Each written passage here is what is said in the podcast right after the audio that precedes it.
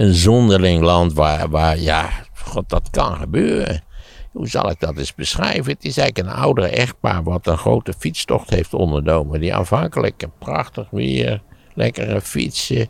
Een fijn mandje met, met, met, met de lunch erin. En ze op een goed moment hebben ze de verkeerde afslag genomen. En ze zijn verdwaald in een groot donker bos. En hun mand is leeg. En, en de fietsen die piepen en die kraken. En, en ze krijgen herrie onder elkaar. Het is jouw schuld. Nee, het is jouw schuld, stomme eikel. En net zo goed als wat oudere wordende echtparen daar veel last van hebben. En daar fietsen ze nu op, met, op een lekker band. In een groot donker bos. En ja, het ziet eruit dat het gaat omweren. Maar hoe het af gaat lopen, ik weet het niet. Het verlossen, kunt u mij horen? Nee, ik heb wel in de New York Times gekeken, maar ik zag geen kaartje. Wat was het kaartje? Nou, het kaartje dat ging over de abortus natuurlijk. En uh, hoe, uh, oh, dat heb ik gezien, ja. ja, hoe, ja hoe invloedrijk dat gaat worden, zeg maar, over het hele land. Ja, nou ja, dat weten we wel eens een beetje. Dat die, eh, nou goed, dus de, de federaal toegestane abortus, die is opgedoekt door het uh, extreemrechtse Supreme Court. Dat is op zichzelf een wonderlijke zaak natuurlijk, omdat de samenstelling van het Supreme Court eigenlijk door machinaties van de Republikeinen op geen enkele wijze meer gerelateerd is aan de meerderheidsopvattingen van de Amerikaanse bevolking. Sowieso een probleem van de Amerikaanse politiek. En nu, zal het, nu is het teruggewezen naar de Staten.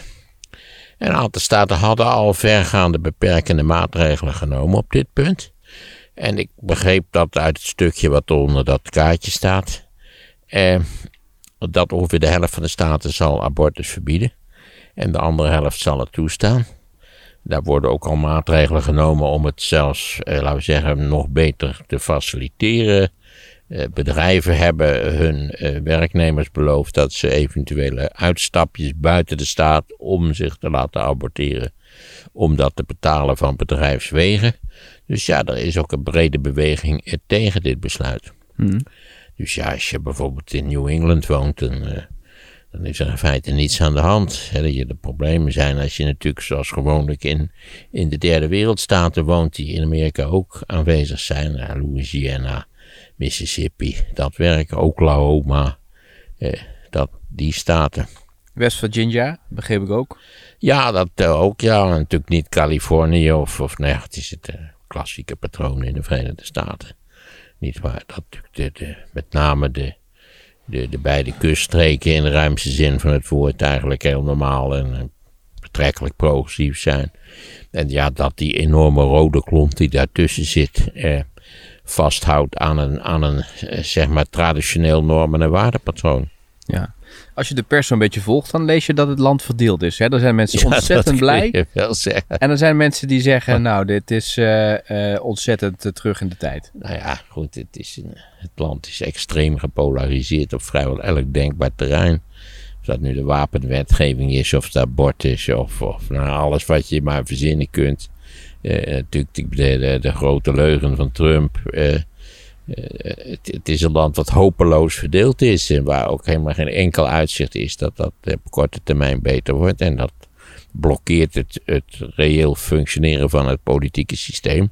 En daarmee natuurlijk ook de, de normale uh, beleidsnoodzakelijkheden van de Verenigde Staten in de ruimste zin van het woord. Het is een heel ongelukkig land wat zichzelf permanent in de voet schiet. En ja, hoe komt dat? Dat heeft een heel simpele oorzaak. Dat de Republikeinse Partij in feite de vertegenwoordiger is geworden van, van het grootste blok van samenhangende kiezers. Namelijk blanke kiezers eh, met een betrekkelijk lage opleiding. Ja, die doodsbenauwd zijn dat ze in de volgende decennia eh, maatschappelijk politiek de boot gaan missen. Wat ze waarschijnlijk ook gaan doen, eerlijk gezegd. Ja, dit recht op abortus hadden ze zo'n 50 jaar, hè?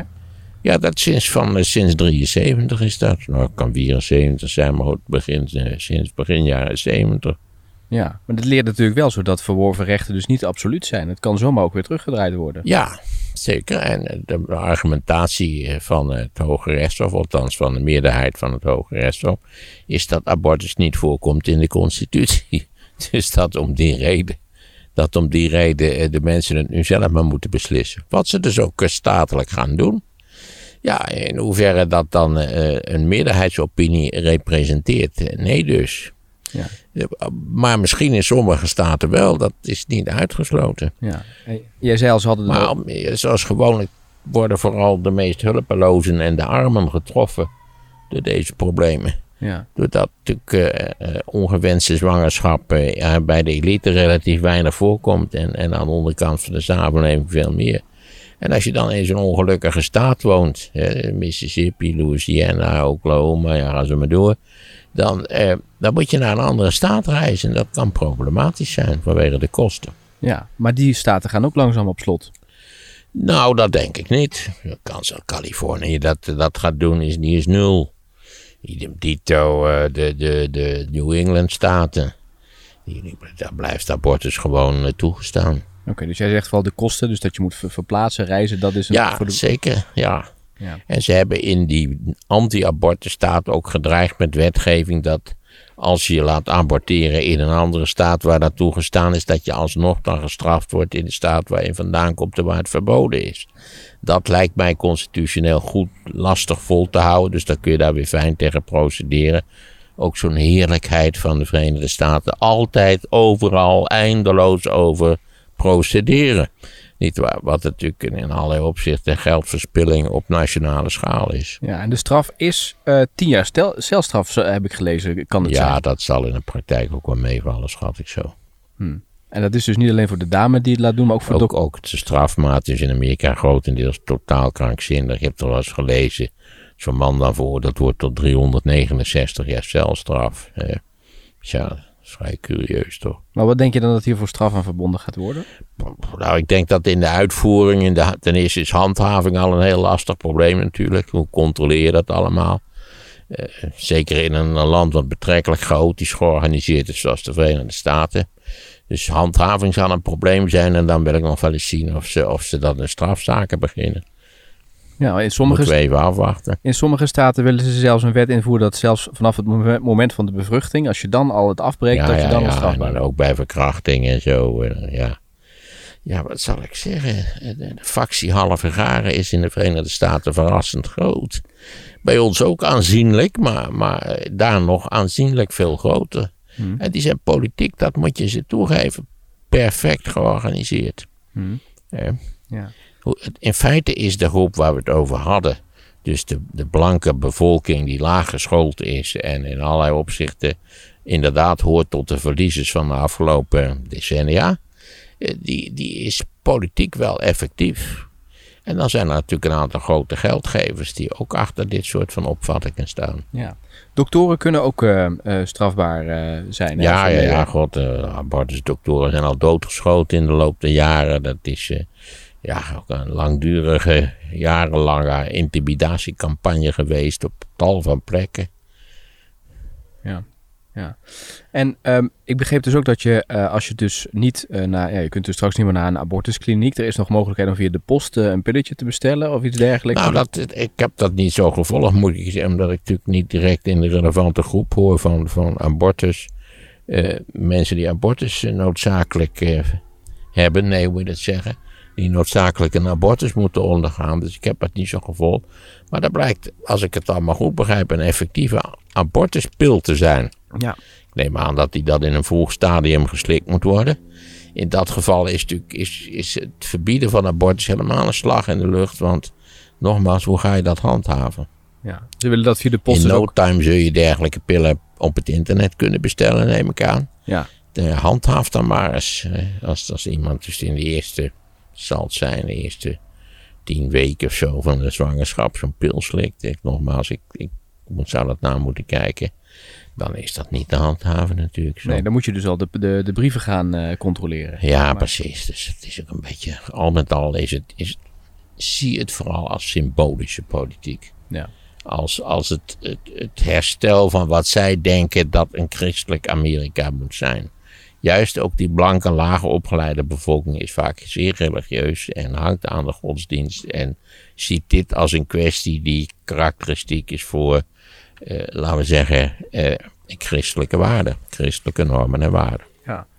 Uh, dat natuurlijk abortus is helemaal niet leuk of verdienstelijk of weet ik het wat. Het is een ellendige zaak in allerlei opzichten.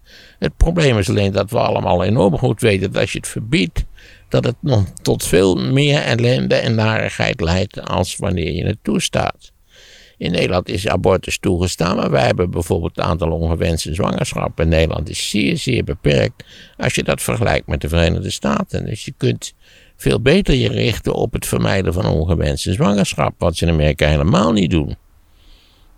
Nee, en waar ze dus nu bang voor zijn dat daar ook nog een keer streng naar gekeken wordt, dat ze ook het condoomgebruik uh, willen Ja, dat verbaast, zou mij niet verbazen. Zijn we weer terug. Nou ja, ik heb pas verteld toch uit mijn jeugd. Dat, dat tegen de tijd dat je aan de vrijage begon, dat condooms noodzakelijk waren, dat de pil nog niet bestond of relatief ontoegankelijk was. Ik weet niet precies wanneer die pil in, in uitgebreid op de markt gekomen is tegen redelijke prijzen. Of in het ziekenfondspakket zelfs. Dus ja, dan moet je aan condooms zien te komen. En zelfs in een gemeente als Wageningen, die helemaal niet christelijk was, was bij één winkel die die dingen verkocht. Dat was de Eekhoorn, die nog steeds bestaat. Ik heb het allemaal vaak verteld. Eh, dus ja, het, het, het hingen heus geen condomautomaten eh, in wc's en zo. Eh, het was niet vrijelijk verkrijgbaar. Toen ik hier in, in Utrecht ging wonen als student. En, en bij om de hoek naar een drogisterij ging, die inderdaad gerund werd door twee totaal uitgedroogde dames op hoge leeftijd.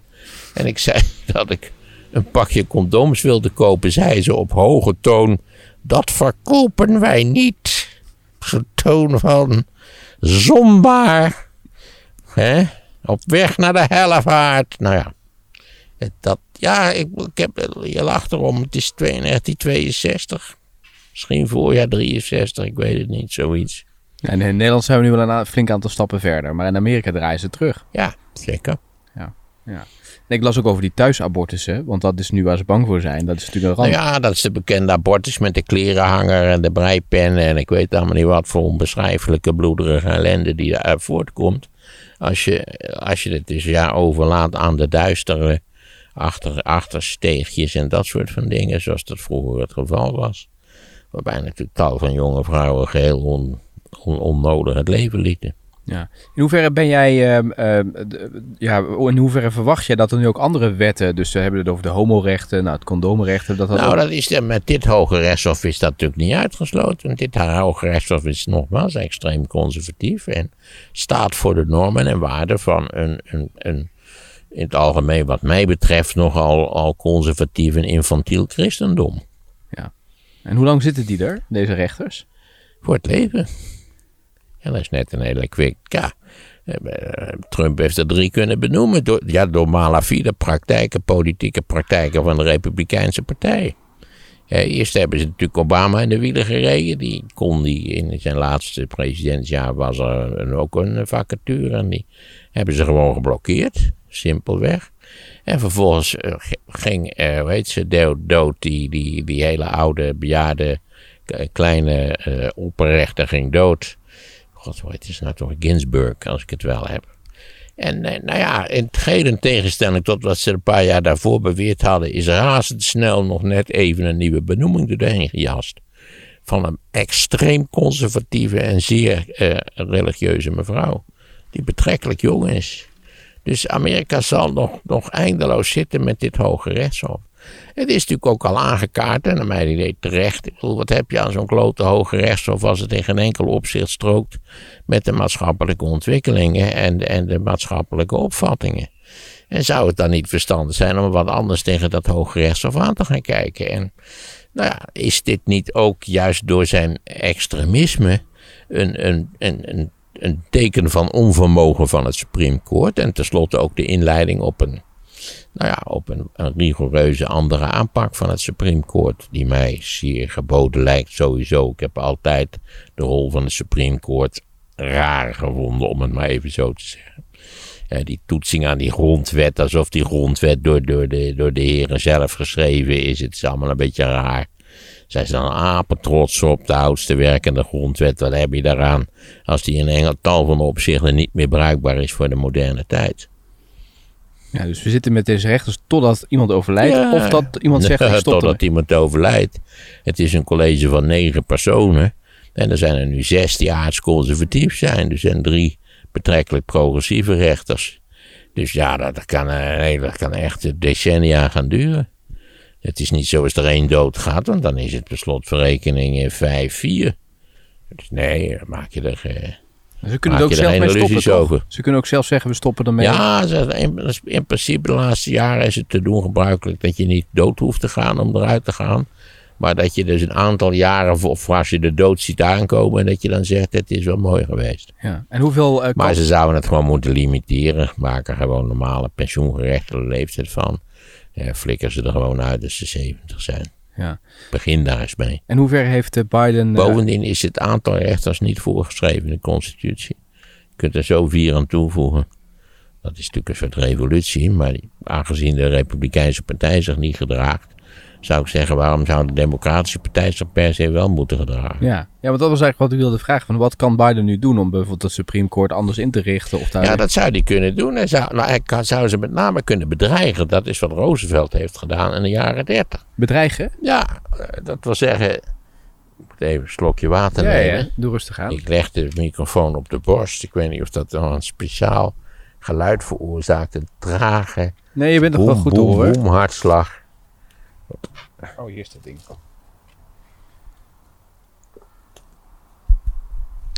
Ja, in, het, in de jaren 30 toen eh, eh, Roosevelt bezig was met zijn New Deal. Dus ingrijpende eh, maatschappelijke hervormingen. met name ook in sociale richting. En dat voortdurend geblokkeerd werd door ook toen een extreem conservatief Supreme Court. Toen is, is Roosevelt gekomen met een voorstel van het heet court packing. Dat wil zeggen dat je, nou ja, dat je aan die negen rechters er gewoon vijf bij benoemt. En dan die kun je dan heel progressief eh, en dan, en nou ja, toen, daar is toen wel een soort van politieke strijd over losgebarsten. Die in zekere zin door Roosevelt verloren is. Men hechtte toch kennelijk aan die traditie van dat verrekte Supreme Court, wat mij betreft dus. Eh, bij Nederland wordt ook voortdurend geluld dat er zo'n toetsingsgerechtshof moet komen. Nee, begin er niet aan. Het politiseert. Het leidt alleen maar tot nieuw gelul. Ruzie op alle fronten. Ruzie over de benoemingen. Doe het niet. Denk eens na. Maar goed, dit tussen haakjes. Eh, omdat die ook allemaal van die wijsneuzen zo'n Supreme Court willen. Nou, ik zou zeggen, kijk vooral naar de Verenigde Staten. Dan zie je wat een heerlijke positieve, handige resultaten zo'n toetsingskoord dan eigenlijk heeft. Eh, en, maar het bleek toch, nogmaals, Roosevelt verloor, want dat courtpacking dat eh, is niet gebeurd. Maar het was duidelijk dat het Supreme Court zich echt de kloten was geschrokken. En dacht, ja, wacht nou eens even. En toen ineens bleken ze eh, op grond van andere juridische interpretaties, want je weet, juridische interpretaties, dat is zo lang als het breed is en zo kort als het lang is. Je kunt er alle kanten mee op als je dat wil. Hè? En toen zijn ze plotseling wel akkoord gegaan met al die maatregelen van de New Deal. Ja. Maar denk je dat eh, Biden dat gaat doen? Dat hij daar iets gaat in probeert Dat te... zou mij enorm verbazen. Courtpacking, dat, dat is iets waarmee je dreigt. Dat doe je niet, daar dreig je mee. Hè? Vaak is politiek meer een kwestie van dreigen en niet doen Ja. dan van wel doen. Dat je ook al beseft dat je het wel doet, dat je weer een hele nieuwe reeks van problemen creëert in feite. Ja. ja. Maar kan hij wat anders doen? Maar nee, dit, dit zijn allemaal betrekkelijke fanatici die dit tot stand hebben gebracht. Want de, de, de, opperrechter Roberts is hier helemaal niet gelukkig mee. Want ja, die ziet erbij wel hangen. Dat natuurlijk de reputatie van het Supreme Court, dat die er niet beter op wordt. Die was toch wel niet geweldig. Maar die wordt er zeker niet beter op. Nee, maar dat had hij wel zien kunnen aankomen natuurlijk. Ja.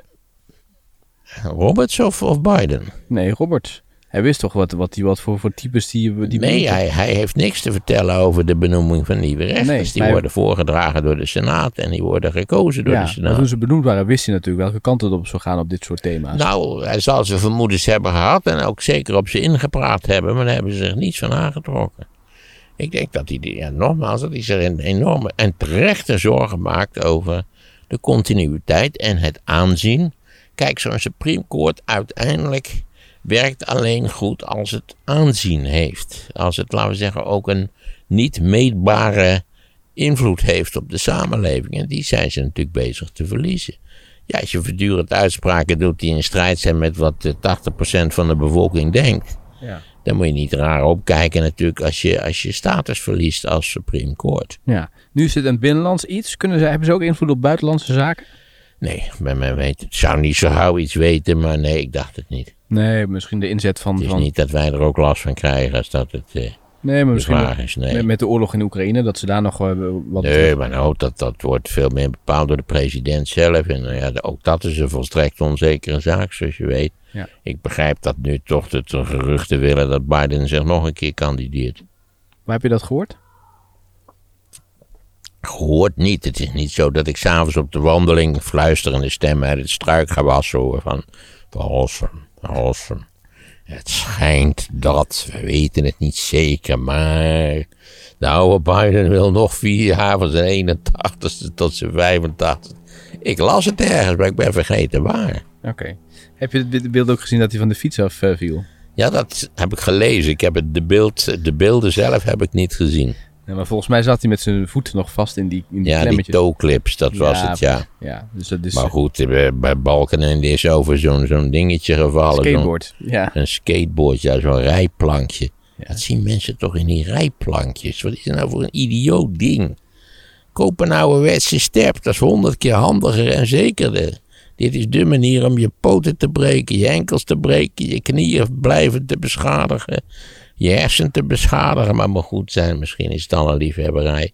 Voor mensen die sowieso al een hersenbeschadiging hebben, dat weet ik eigenlijk niet Ja. precies. De tegenstanders hebben nu wel genoeg beeldmateriaal om straks in die spotjes weer allemaal te gebruiken. Over Zonder meer, zonder meer. Ja, maar ook van eh, Trump, als die er tegenkandidaat is, is ruim voldoende materiaal om te laten zien dat hij niet goed bij zijn hoofd is.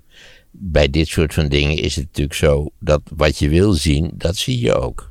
Als jij denkt, die Biden, dat kan echt niet meer. Ja, dat is verschrikkelijk. Straks moet hij in een hospitaalbed de kamer ingereden worden.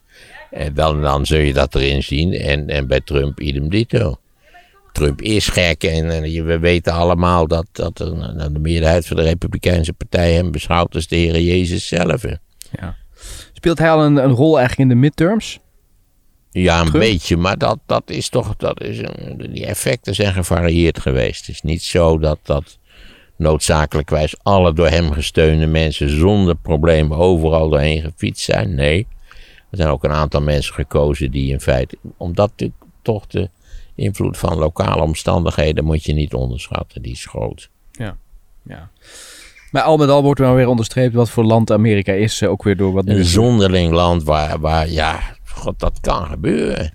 Hoe zal ik dat eens beschrijven? Het is eigenlijk een oudere echtpaar wat een grote fietstocht heeft ondernomen. Die aanvankelijk prachtig weer, lekkere fietsen, een heel fijn mandje met, met, met, met de lunch erin. En ze, op een goed moment hebben ze de verkeerde afslag genomen en ze zijn verdwaald in een groot donker bos. En de mand is leeg en, en de fietsen die piepen en die kraken en, en ze krijgen herrie onder elkaar. Het is jouw schuld. Nee, het is jouw schuld, stomme eikel. En net zo goed als wat ouder wordende echtparen daar veel last van hebben. En daar fietsen ze nu op, met, op een lekke band in een groot donker bos. En ja, het ziet eruit dat het gaat omweren, maar hoe het af gaat lopen, ik weet het niet.